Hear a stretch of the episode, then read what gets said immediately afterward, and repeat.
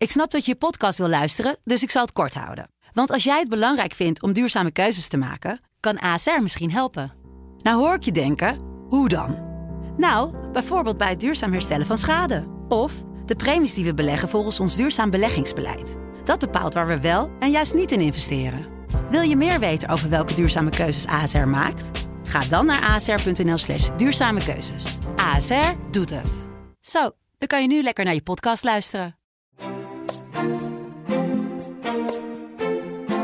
Dit is Kwestie van Centen, een podcast van de Financiële Telegraaf. Met Martin Visser en Herman Stam. Ja, hartelijk uh, welkom allemaal. Ik zeg er meteen bij dat Martin helaas deze week nog afwezig is door uh, familieomstandigheden. Waar we hem nog steeds uh, sterkte mee wensen. Die zal volgende week weer aanschuiven. En in de studio hebben we Edwin van der Schoot en Ertan Bazekin. Uh, ik noem jullie voor het gemak even Unilever Watchers. Jullie doen veel meer in jullie portefeuilles, maar zijn nu bezig met een groot verhaal over Unilever. Want zondag is het zover. Dan is Unilever officieel Brits. Tenminste, als er geen uh, rare ontwikkelingen meer zijn. Die we wel of niet verwachten, Ertan. Nee, nee, het is echt afwachten tot zondag. Hè? Uh, ook als je het bij Unilever navraagt. Uh, ze blijven eigenlijk gewoon ook uh, bij de reactie die ze eigenlijk al weken geven. zondag 29 november ja, wordt het bekend. Dus ja. 1 over 12 weten we officieel meer. Is dat eigenlijk Britse tijd of Nederlandse tijd, 1 over 12? Nederlandse tijd. Oké, okay, ja. ja. En Edwin, moeten we nou eigenlijk een traantje pinken of wegpinken dat het gaat gebeuren nu dit weekend? Nou, het is wel een, een monumentale beslissing natuurlijk. Aan eind aan 90 jaar van zo'n heel bijzonder Nederlands-Brits bedrijf. waarvan het zwaartepunt toch altijd in Nederland lag. en um, wat eigenlijk ook door die hele ingewikkelde structuur misschien wel zo lang heeft kunnen overleven. En ik vraag me af of er nog 90 jaar bij komen voor Unilever. Uh, zullen we eens proberen, want het zijn ingewikkelde constructies waar allemaal hoe Unilever is opgebouwd. Maar laten we eens even bij de basis beginnen. Waarom willen ze eigenlijk naar Groot-Brittannië nu? Ja, eigenlijk um, zoals de topman Ellen Joop het aangaf de vorige keer, om ja, eigenlijk de structuur te vereenvoudigen. Mm -hmm. oftewel, je, bent, je, je, wordt gewoon één Brits bedrijf. ja, dat is toch wel eigenlijk gewoon de hoofdreden. Ja, en waarom heeft dan Nederland die slag niet gewonnen, Edwin? Nou, uiteindelijk uh, technisch gezien door de Britse aandeelhouders... Die, uh, waarvan driekwart uh, moest instemmen in, in 2018 met een verhuizing naar Nederland. Van het hoofdkantoor naar Nederland. en van het samenvoegen van de PLC-aandelen en de NV-aandelen tot een nieuwe categorie NV-aandelen. Maar die Britse aandeelhouders zeiden dat willen we niet. Uh, uh, dus die be beoogde 75% die daarmee moest instemmen, die was er niet. Mm -hmm. uh, want die aandeelhouders die wilden dat Unilever vooral in de FTSE-index bleef, zodat de Britse pensioenbeleggers en institutionele beleggers er makkelijker in konden blijven beleggen. Ja. Um, ik denk ook dat luisteraars zich wel afvragen van ja, Unilever, uh, hoe is het eigenlijk opgebouwd? De oorsprong. Ik denk dat veel mensen weten Zeeuws meisje. Maar er dan vertel eens even ja. van, van, van hoeveel Nederlandse elementen zitten er überhaupt nog in, in Unilever? Op dit moment bedoel ja. je? Ja.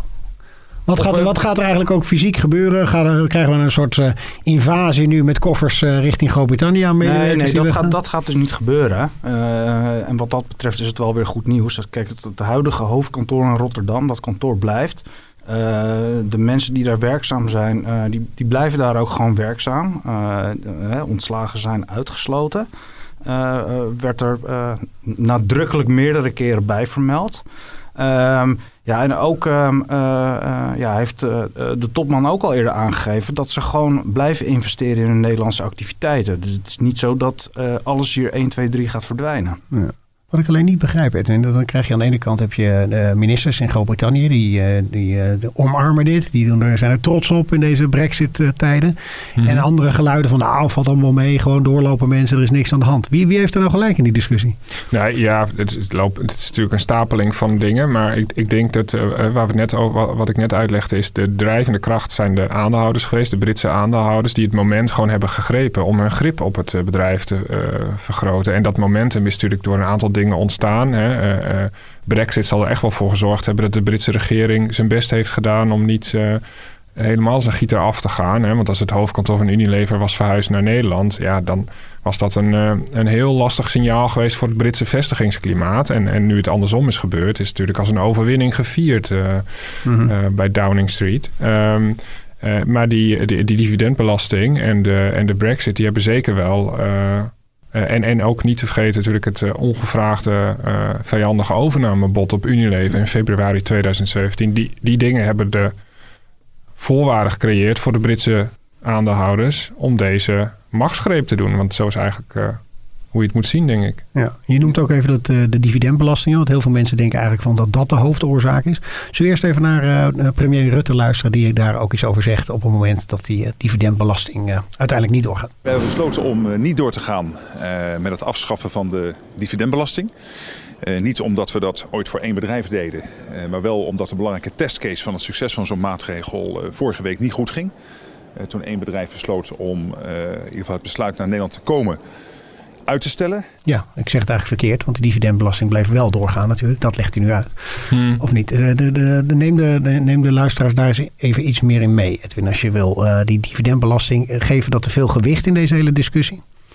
Nou, ja, het heeft natuurlijk wel een soort van mee te maken, maar hoeveel precies? Uh, kijk, de, de, de volgens mij is deze geest uit de fles gegaan zo rond 2005. Want toen is uh, de toenmalige voorzitter van Unilever, Anthony Burgmans, al bij minister Zalm van Financiën en bij Joop Wijn langs geweest om eens over die dividendbelasting te praten. En toen was er al een, een wens om Unilever van zijn duale structuur af te helpen. En het bestuur van Unilever zag natuurlijk veel meer heil in, ehm, in de Nederlandse corporate governance, die mede ontworpen was door oud-Unilever-topman uh, Morris de eh, waarbij het bestuur zich eigenlijk veel meer achter de belangen van alle verschillende stakeholders zou kunnen verschansen op het moment dat er een onwelgevallig overnamebod op tafel zou komen.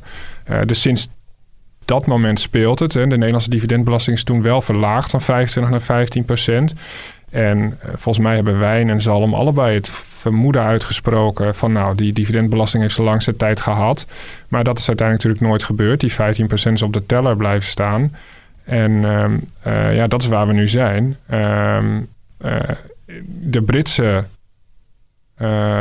het Britse perspectief is, nou, die dividendbelasting, het zal wel. En aan de Nederlandse kant hechten we daar veel meer gewicht aan. En, en is, ja, Rutte zegt dan heel mooi: het, gaat niet om één bedrijf. Nou, misschien dan om twee. Maar uh, wij hebben natuurlijk de indruk dat dat wel zo is. Maakt het nog extra pikant dat Rutte oud Unilever medewerker is geweest? Nou, dat vind ik niet. Niet meer op dit moment. Ja. Edwin, jij vertelde een verhaal hè, over, eh, dat ken ik eigenlijk nog niet, van wat Rutte daar precies deed eigenlijk bij Unilever. Ja, hij was personeelschef of zo. Maar volgens mij, ze moesten, iedereen daar bij Unilever moest ook vertellen wat zijn ambities waren. En toen zei hij al, uh, ik wil premier van Nederland worden. Ik, hij zal vrij jong geweest zijn toen. En het staat allemaal mooi beschreven in dat boek van, uh, van Jeroen Smit over Unilever. Um, en een van de dingen die Rutte toen gedaan heeft, is een reis voor de top 100 naar Costa Rica organiseren. Want het management van Unilever, dat hè, in een Brits en Nederlands kamp bestond toen, uh, begin deze eeuw, dat moest echt beter leren om met elkaar samen te werken. En ehm, eh, eh, met name de min of meer geforceerde omhelzing tussen de toenmalige Nederlandse CEO Burgmans en zijn Ierse evenknie aan de Britse kant. ja, er staat toch nog wel redelijk wat Unileverianen bij als ehm, alles behalve van harte ging mhm. dat. En, en, en heel erg exemplarisch voor het Nederland, Engeland uh, of het Nederland, Groot-Brittannië, wat heel lang in dat bedrijf en misschien nog steeds wel uh, voor problemen heeft gezorgd. Ja. Denken jullie dat er wat meer uh, rust gaat komen als het dan echt een Brits bedrijf wordt en die structuur simpeler wordt? Dat je minder gedoe onderling krijgt en dat, dat dit even definitief rust geeft bij Unilever? Ja, dat zou kunnen. Maar ja, goed, het, het, is, het is nog maar de vraag of het natuurlijk gewoon uh, doorgaat. En dat, dat is wat ik me eigenlijk afvraag. Ja, want dat moet je even uitleggen, want we zitten nog op een moment, want je vertelde dat, hè, 12 uur wordt dan de knoop doorgehakt, maar Unilever kan nog uitstel aanvragen. Dat, uh, dat uh, kan zeker. Ehm, we hebben natuurlijk de, de wet van GroenLinks-Kamerlid Bart Snels. die nogal roet in het eten kan gooien. En Unilever kan nog altijd gewoon besluiten dat de verhuizing niet doorgaat. Jullie, helpen me net als Martin heel goed aan uh, bruggetjes richting mijn geluidsfragmenten. Want ik had ook iets klaarstaan van uh, Jesse Klaver die ook uh, iets uitlegt over deze wet. Als Unilever of welk bedrijf dan ook zou willen vertrekken naar een land waar geen dividendbelasting is, dan zeggen wij: oké, in de afgelopen jaren sinds de oprichting van het bedrijf, eigenlijk is er geld in gestopt, maar dat bedrijf is steeds meer waard geworden. En dat is doordat er heel hard is gewerkt door dat bedrijf, maar ook dankzij alle voorzieningen die er hier in Nederland zijn. Mhm. En dan zeggen we: maar daar kan eigenlijk nog in de toekomst zou daar nog dividend uit uitgekeerd over kunnen worden. En dan vinden wij het eerlijk uh, dat, we de, dat daar nog even belasting over wordt dus betaald. Ook omdat dat straks niet in een ander land gebeurt. Het moet eigenlijk gewoon voortaan voorkomen dat Nederlandse bedrijven verhuizen naar landen waar ze geen dividendtax hoeven te betalen. Uh, ja, die wet moet er dus gewoon voor zorgen dat ze dat alsnog dan met terugwerkende kracht wel gaan betalen. Voor Unilever zou dat dan 11 miljard kosten. Nou ja, goed, de meerderheid van in de Tweede Kamer heeft er dus uh, sympathie voor, voor dit plan. Maar ja, het is pas na de jaarwisseling wanneer ze hierover verder gaan praten. Dus ja. Edwin, je had eh, deze week een verhaal van het eerste bedrijf ongeveer wat hier oh een reservering voor uh, opnam hè, van, uh, voor de vertrek. Nou ja, het bedrijf waar nog nooit iemand van had gehoord, behalve de werknemers denk ik. Um, maar een Amerikaans bedrijf met een NV gevestigd in Nederland werd door een ander Amerikaans bedrijf overgenomen. op de overnamepremie werd een bedrag ingehouden, is op een derde rekening geparkeerd in Bermuda voor het geval het niet naar de aandeelhouders moet gaan, maar naar het ministerie van Financiën. En uh, ze houden dat geld daar tot 1 januari 2022. En dan gaan ze ervan uit dat wel duidelijk is of die wet er nou wel of niet is. Dus er wordt inderdaad rekening mee, uh, mee gehouden. Um, en um, dat is direct ook het lastige van hoe moet Unilever hier nou rekening mee houden? Mm of doen ze dat eigenlijk wel? Ik, ik, laten we zo zeggen, beleggers sommige, uh, verschillen van mening over in hoeverre Unilever bijvoorbeeld de deur openhoudt om zo'n eventuele verhuizing nog terug te draaien. Uh, en, en, zeker na 1 januari, als Brexit een feit is, zou, dat, zou een eventueel terugdraaien natuurlijk nog complexer worden. Unilever heeft al gezegd van nou wij gaan er niet van uit dat dat die wet uh, er überhaupt komt. Want die wet die, uh, is gewoon strijdig met Europees recht en van alles en nog wat. En we hebben heel veel dure advocaten het helemaal kapot laten schieten. Dat is eigenlijk waar, wat, wat ze zeggen. Ehm, maar ja, als die wet er wel komt, heeft Unilever ook gezegd... dan is die natuurlijk niet in het belang van onze aandeelhouders. Hm. En daarmee hintend op dat ze het op een of andere manier terug zouden kunnen draaien of repareren. Maar de, eh, in ieder geval de Vereniging van Effectenbezitters is er nog niet helemaal over uit wat dat nou voor aandeelhouders betekent. Ja. En hoe, hoe gaat het sowieso praktisch als stel dat ze nu nog wel dat uitstel aanvragen voor die deadline? Uh, is dat oneindig? Dan kan je wachten jaren totdat een wet in Nederland wordt aangenomen of niet? Wat, wat staat daarover? Nou ja, goed, kijk, dat, dat, daar komt dus ook nog uh, het volgende bij. Die wet moet ook nog een keer door de Eerste Kamer. Mm. En de Raad van State, uh, ja, die heeft eigenlijk ook al aangegeven dat, dat die wet eigenlijk niet houdbaar is. Dus mm. daar zit ook nog eens twijfel. Mm. Ja, dus dit kan nog wel, dit kan zo nog maar maanden gaan duren. Ja. Ik ben daar heel benieuwd naar. En volgens mij is het zo dat de Britse rechter op 2 november Unilever wel de machtiging heeft gegeven om het voor onbepaalde tijd op te schorten. Ja, dat klopt. Ja. ja. Goed, dan kom je in een soort van, um, uh, hoe noemen we dat? Terra incognito, want dat is natuurlijk nog nooit gebeurd, zo'n soort situatie. Mm -hmm. Ja, maar jullie denken eigenlijk zelf van het gaat er gewoon niet van komen? Als ik jullie zo aanhoor. Nou, alle signalen denk ik die wij nu krijgen... en er, misschien dat er dan me kan corrigeren als ik niet goed zeg... is dat Unilever dit gewoon nu doorzet. En dat er echt niet meer op zaterdagavond uh, uh, laat om vijf of twaalf... nog een belletje van de president-commissaris komt... die zegt, ho stop, we doen het toch niet. Het lijkt er toch echt op dat ze ermee doorgaan... Uh, Unilever is ook al uit een aantal indexen gehaald, zoals de Eurostox 500. Dus ja, het lijkt me als je zou willen uitstellen dat je dat eerder had gedaan. Maar uh, ja, dit is natuurlijk allemaal een unieke situatie. Dus uh, ik, ik, ik, weet niet. Uh... Nee hoor, dat is hetzelfde wat ik eruit opmaak. Ook mm -hmm. als je gewoon Unilever zelf spreekt. Want dat hebben we natuurlijk van de week hebben we Unilever natuurlijk ook gebeld. Mm -hmm. en, nou ja, goed, ze, ze, houden echt vast aan zondag. En ja, wat ik er eigenlijk wel uit opmaak is dat het, dat het eigenlijk gewoon doorgaat. Ja, en er werd eigenlijk ook al een beetje gezinspeeld op van dan komen we maandagochtend met een persbericht voorbeurs.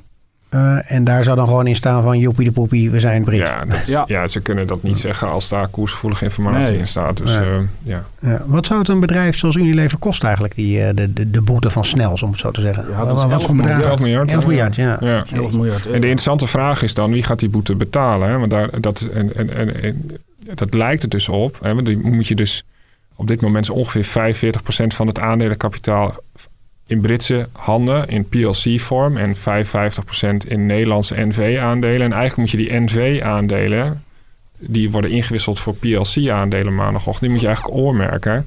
Want dat is eigenlijk het deel van de beleggers wat dan juridisch technisch gezien die heffing zou moeten gaan betalen, die 11 miljard. Uh, maar voordat je via de dividenduitkering aan 11 miljard komt, ben je jaren verder. Dus het is een hele interessante vraag. Wat betekent dit nou voor beleggers, met name voor de Nederlandse belegger? Hoe gaat, hè, want Unilever kan wel een reservering van 11 miljard op zijn balans doen hiervoor. Maar ja, hoe ga je dat dan vervolgens uh, uh, laten betalen en door welke aandeelhouders? Of, dus dat zijn allemaal vragen waar. Um, Jij zou zeggen van eigenlijk moet je dat meer bij de Britse aandeelhouder leggen, want die wilde dit zo graag dan bij een Nederlandse aandeelhouder. Ja, maar het is uiteindelijk de facto het Nederlandse NV-hoofdkantoor wat verhuist. Dus Mhm. ja, Ja. Ja. het is allemaal onduidelijk dat. ja. Hoe, uh, hoe, uh, wat, wat, wat, verwachten jullie als eenmaal dan uh, Unilever Brits is? hoe makkelijke overnameprooi, want die, die structuur als ik het van jullie begrijp wordt makkelijker. Hè? Hoe snel staan de bedrijven eigenlijk te trappelen van... hé, hey, de koers van Unilever gaat iets naar beneden, wij willen ze wel gaan overnemen. Iets waar ze al heel lang bang voor zijn geweest. Ja, het wordt er makkelijker door. Ze worden een makkelijker overnameprooi. Hm. Maar is het een markt op dit moment waarin je ziet dat de, de Proctors en de, nou ja, noem ze allemaal op, de, de Nestle's dat willen gaan doen? Nou, je hebt natuurlijk gezien dat bijvoorbeeld een, een, in 2017 Axo Nobel gewoon het grootste wereldwijde coatingsbedrijf was. Maar de nummer 2 PPG zei toch gewoon uh, de dollar staat goed, de euro staat zwak. Hier komen we. Mm -hmm. En nog een activistische belegger erbij. En dat is natuurlijk wel de tendens de laatste tijd. Dat aandeelhoudersactivisme is enorm in opkomst. Die, die activistische beleggers die hebben veel grotere fondsen dan pakweg tien jaar geleden. Uh, dus uh, ik zou bijna zeggen, het is een kwestie van tijd voordat een activistische belegger een belang in Unilever opbouwt. Dat is de eerste, de eerste keer dat er een winstwaarschuwing aankomt en de koers onder druk komt te staan, uh, ja, wordt de deur daarvoor eigenlijk opengezet. Hm. En uh, de, de, huidige aandeelhouders zouden daar wel mee kunnen leven. Hoe, hoe, hoe, erg zijn die er voor het belang van het bedrijf? Of kijken die dan echt puur naar hun eigen portemonnee van ja. mij levert dat gewoon meer op, zo'n zet? Nou, er, zitten natuurlijk heel veel passieve aandeelhouders in Unilever. Hè? De BlackRocks van deze wereld. Uh, die gaan niet uh, heel intensief de dialoog met de raad van bestuur van Unilever aan. Die kijken gewoon of het dividend op tijd binnenkomt en of de juiste duurzaamheidscriteria zijn aangevinkt. en, en een steeds groter deel van het aandelenkapitaal van dit soort fondsen is passief belegd. En de, de, schattingen zijn dat gaat oplopen tot 50% in, de kom, in het komende decennium. Dus wat je dan nog overhoudt, de wat actievere beleggers, ja, die kunnen veel sneller een, een podium naar zich toe trekken. En wat de dynamiek is, waar je als bestuursvoorzitter altijd heel erg voor moet waken, zeker onder die Britse beursregels waar Unilever vanaf maandag onder valt, is op het moment dat een activist of een, of, uh, of een, um, een uh, potentiële koper een bot doet of iets roept, wat er dan gaat gebeuren is dat er heel veel hedge funds op jouw aandelen duiken. Uh, arbitrage hedge funds, een heel grote industrie in Londen. En wij hebben ook gewoon contact met meerdere van die arbitrage hedge funds, die ook nu gewoon in aandelen Unilever spelletjes mee spelen om te kijken of ze nog dubbeltjes kunnen verdienen aan aan koersverschillen tussen de NV-aandelen en de PLC-aandelen. Maar als er een overnamebod komt, dan zijn deze jongens als de kippen bij om een positie in te nemen. En dan zie je vaak een hele grote rotatie. En um, wat je zag in 2017 bijvoorbeeld bij Unilever en bij Axo Nobel... is dat naar schatting 25% van de aandeelhouders zijn aandelen verkocht. Hm. Op het moment dat zo'n overnamegerucht naar buiten komt. En dat zijn vaak pensioenfondsen die dus bijvoorbeeld in hun criteria hebben staan, of verzekeraars. Als de koers boven een bepaalde bandbreedte uitkomt, dan ben ik verplicht om te verkopen, want anders doe ik mijn pensionado's tekort. Mm. Nou, die verkopen. De kopers zijn die hedge funds. Nou, en die stemmen met hun portemonnee, want die kopen met geleend geld en die willen dat die deal doorgaat. Dus de loyaliteit van de aandeelhouder moet je zeker niet overschatten. Mm -hmm. Ja. Uh, Ertan, uh, uh, Unilever heeft nu een Schotse topman, hè? een Britse moet je misschien wel zeggen. Ik weet niet, hoe, hoe Schots voelt hij zich, Ellen Joop? Ja, het is een, het is een Schot. Ja. Ja, en Schotten zijn meestal wel trots op hun Schot zijn. Ja, en, maar goed, hij voelt zich misschien zeker wel meer Brits dan Nederlands. Polman ja. was zijn voorganger natuurlijk, Paul ja. Polman. Ja. Uh, jullie hebben ongetwijfeld voor je verhaal ook contact met hem proberen te zoeken. Want hij uh, zal toch ook wel uh, kijken naar deze deal die nu gaat komen? Ja, dat hebben we zeker geprobeerd. Dat moest al via allerlei omwegen. en hij heeft nu ook eigenlijk zijn, zijn, zijn eigen ja, duurzaamheidsbedrijf, zoals het heet, Imagine. nou goed, uiteindelijk zijn we wel in contact met hem gekomen. En uh, nou ja, hij heeft uh, via zijn assistent uh, laten weten dat hij ja, er niet op in wil gaan verder. Hmm. Want Jammer. valt hem nog iets te verwijten in deze, in deze hele saga? In uh, dat, uh, dat Unilever uh, verhuist naar ja. Groot-Brittannië. Nou, ver, verwijten. Misschien is hij wel heel tevreden over. Maar goed, wij als Nederlanders vinden het natuurlijk minder fijn dat het gebeurt. Dus, nou ja, ik heb zelf persoonlijk een beetje het idee dat hij... nee, ik, ik, denk dat hij dit niet leuk vindt. Nou, die heeft een slapeloze nacht dit weekend. Ja. Ja, want hij wilde juist vanwege die hele dynamiek en om, om Unilever en, de, en het hele stakeholder model en, en al die niet-financiële criteria waar hij zo op hamert om die veilig te stellen, wilde die Unilever natuurlijk achter de Nederlandse corporate governance beschermingswal hebben en niet uh, vogelvrij onder de Britse beursregels. Dus die slaapt slecht. Ja. En, en, en als je dat dan analyseert, waar heeft hij stappen gezet dat je zegt van ja, zo had je het kunnen voorkomen? Nou ja, goed. Uiteindelijk is zijn plan natuurlijk niet gelukt om met Rutte uh, dat 1-2'tje uh, om de dividendbelasting op te zetten. Ik denk dat hij waar, waar ik vermoed, met de wijze van achteraf, waar je moet zeggen waar die steken heeft laten vallen, is misschien toch. Hij had eerder, denk ik, de dialoog met zijn Britse aandeelhouders moeten aangaan. Want daar zat uiteindelijk de bottleneck. De driekwart van die Britten, die had moeten instemmen met die verhuizing. En, uh, en, en, uh, ze hebben alle, en die Britse beleggers, die hebben als reden opgevoerd het belang van die Britse FTSE-index, waar Unilever een zwaar gewicht in is. Uh, en Polman heeft dat de elfde uren nog proberen op te lossen door te kijken of hij voor Unilever een uitzondering kon krijgen dat Unilever toch in die index bleef. Maar ja, daar zijn die Britten dan heel strikt in. dat kon dus niet. En ik denk dat daar de grootste fout gemaakt is met de wijsheid van achteraf. Dus is hem wat te verwijten? Ja, misschien wel. Dat, had je, dat, had, dat probleem had eerder gesignaleerd kunnen worden. Mm. Ja.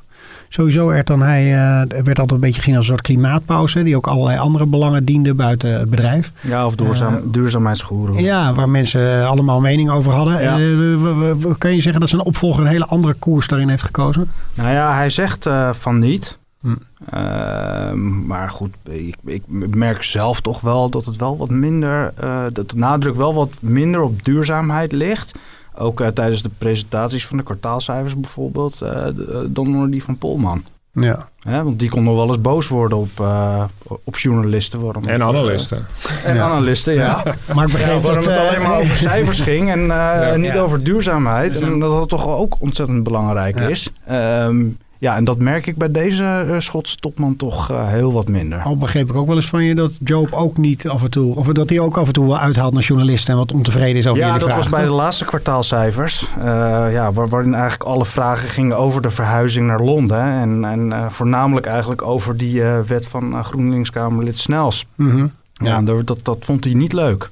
Maar uh, omdat hij vindt dat het te veel aandacht krijgt? Ja, omdat het inderdaad te veel aandacht krijgt, ja. Maar ja, het is geen ja. kattenpis waar je het over hebt qua bedragen die ervoor gereserveerd nee, moeten maar worden. Dat, en, hij, uh... hij, hij, gaf toch wel aan dat het toch wel meer over de cijfers zou moeten gaan. Uh, en over dat het bedrijf het toch redelijk goed doet tijdens deze coronacrisis.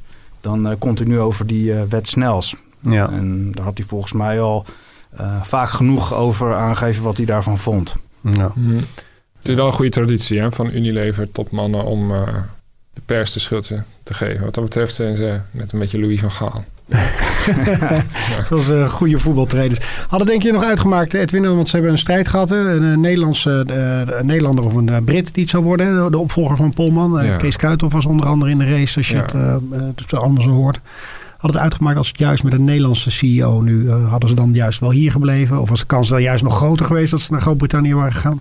Nee, ik denk niet dat dat had uitgemaakt. Maar ik denk wel dat je...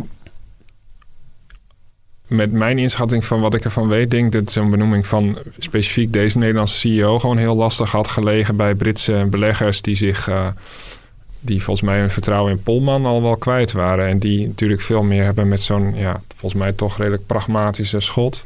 Mm -hmm. Die uh, dan, dan met een uh, Polman 2.0... Ja. vermoed ik.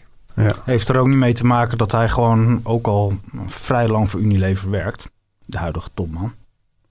Ja, maar, ze, ja, maar die Kruidhof ook, toch? Ja, ja, ja precies. Ja, ja. ja. ja, ja Unileverianen zijn allemaal lifers, toch? Ja, dat? nee, dat is ook zo. Ja. Hey, en nu even vooruitblikkend. Stel, uh, dit is allemaal dan in kan en kruiken. Wat gaan we zien de komende jaren buiten? Je hebt het er even over gehad. Misschien een uh, overname. Maar wel, welke kant gaat het bedrijf überhaupt op?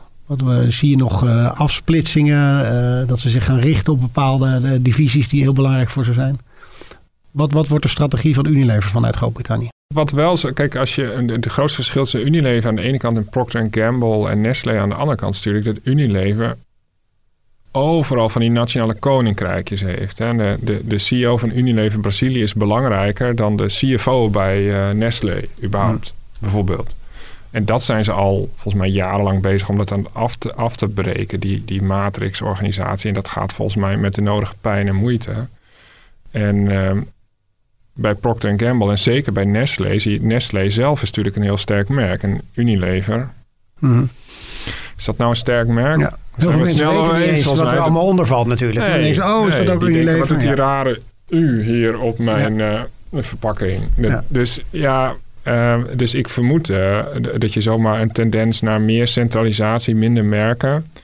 eh, ja, misschien wel minder managementlagen. Dat is gewoon wat eigenlijk al, dat is, dit is wat eigenlijk al de afgelopen tien jaar, denk ik, in gang is gezet, maar wat nog niet af is.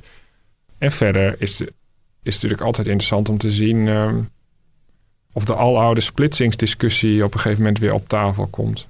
Eh, Unilever zit in, eh, levensmiddelen en ehm, schoonmaakartikelen personal care. Ja. En, en de concurrenten zitten of in de een of in de ander. Mhm. hè. Nestlé en eh, Procter Gamble aan de ene kant en ehm, eh, zo'n Racket Bank kiezer bijvoorbeeld aan de andere kant. Dus ja, dat, eh, zo'n zo'n discussie kan ook zomaar Ja. weer op tafel komen op het moment dat de beurskoers laag staat en een activist instapt. En, eh, Het afsplitsen van bepaalde divisies. Of van een van de divisies. nou ja, dus om het concern in tweeën te breken, voeding en verzorging. Hm. In plaats van eh, alles onder één dak te hebben. Dat, werd, dat was ook een klassieketje dat eh, de burgmans van deze wereld wel eens boos werden als onze oude collega's van vroeger, zoals Richard van der Krommert, dan vroegen. Goh, moet dat niet gesplitst? Nou, dan kreeg je de journalist in kwestie Ook ook, de wind van voren. Ja, maar met die margarinetak is dat natuurlijk gebeurd ook. eh. Ja, ja maar de, eh, volgens mij was iedereen binnen Unilever eh, in de top het wel erover eens. Het, een krimpende business waar wel veel cash uitkomt, maar waar je qua duurzaamheid verder ook niet per se heel veel mee kunt. Opkomende marktenstrategie ook maar beperkt. Eh, volgens mij was dat veel meer de gevoeligheid. Het Nederlands publiek gaat het niet leuk vinden als we Zeeuws meisje bij het grof vuil zetten. Dus eh, lag meer de gevoeligheid daar. En, eh, want Polman ontkende bij analisten en journalisten altijd dat het te koop stond. Maar het was een publiek geheim dat ze ermee liepen te leuren al Hmm. jaren. ja. En wat heeft het gebracht voor die margarinetak? Ja, we hebben deze week even contact met ze gezocht om te kijken. hoe- Upfield heten ze nu. Mhm. Lekkere Nederlandse naam. Ja. Upfield. Er zit geloof ik één Nederlander in de RVC of RVB. Verder zijn het allemaal eh, ingevlogen KKR-Amerikanen. Allemaal eh, snelle jongens die, ehm, ja, die moeten daar een snel groeiend bedrijf met een verhaal van maken. En dan het liefst binnen vijf tot tien jaar naar de beurs. En dan, ehm, ja, dan eh, heeft private equity zijn geld weer verdiend. En eh, dan hebben wij misschien wel een mooi bedrijf met een wat minder Hollandse naam ervoor terug aan de beurs. Wie weet. Nou, ik raad iedereen aan in ieder geval jullie verhaal te lezen in de krant van zaterdag. Waarin ook een soort eh, trip eh, langs eh, Memory Lane is. Hè, met alle oude producten van Unilever en huidige producten. En een blik op eh, de hele ontstaangeschiedenis eh, Wat denk je, waar denk je, wat denk je zelf eigenlijk? Welke kant gaat het op? voor Unilever. Ja, Eh, gaat het door of niet? Ja, nou, jullie weten er meer van dan ik. Maar ik kan me niet voorstellen dat ze, te- als ze al tegen jou zeggen van maandag komt pas zo'n statement. Dan lijkt me niet meer dat ze daar iets op terugdraaien, toch? Ja, nee, dat denk ik ook niet, nee. Dan raken wij heel teleurgesteld als we ze daarover bellen en dat het eh, Ja, niet zo zou kloppen. Maar Edwin zei ook volgens mij, eh, niet nu in de podcast, maar dat het ook nog zomaar kan dat eh, de, de raad van bestuur of raad van commissarissen nog zaterdag bij elkaar komt en als alsnog zo'n statement kan komen, toch? Ja, volgens mij, als ik die, recht, die, die machtiging van de Britse rechter, die die grensoverschrijdende fusie tussen de NV en de PLC dan heeft goedgekeurd, eh, ja, mogen ze dat eigenlijk gewoon letterlijk om vijf voor twaalf nog gebruik maken van Ja, dat machtiging. Ja. Ja. Dus, ehm, en dat is ook wat Unilever de hele tijd zegt, volgens mij toch, Ertan? Nee, dat Eh, we blijven dat bij ons statement van toen, Ja, tenzij nee. de raad van, tenzij de board, dus de president-commissaris, een andere Ja. beslissing maakt. Maar die eh, indicaties die heb ik zelf niet hoor. Nou, als journalisten zijn we er altijd dol op als er gewoon veel gebeurt rondom zo'n bedrijf. Daar kunnen we weer verder over schrijven. maar een aanrader dus om het, om het verhaal ook te lezen. Dank voor jullie tijd. jullie zijn ongetwijfeld wat er ook gebeurt richting maandag nog wel langer hiermee bezig met Unilever. volgende week is Martin weer terug. U kunt ons terugluisteren op iTunes en op Spotify. En blijf ook vooral mailen naar podcast.dft.nl. Tot volgende week.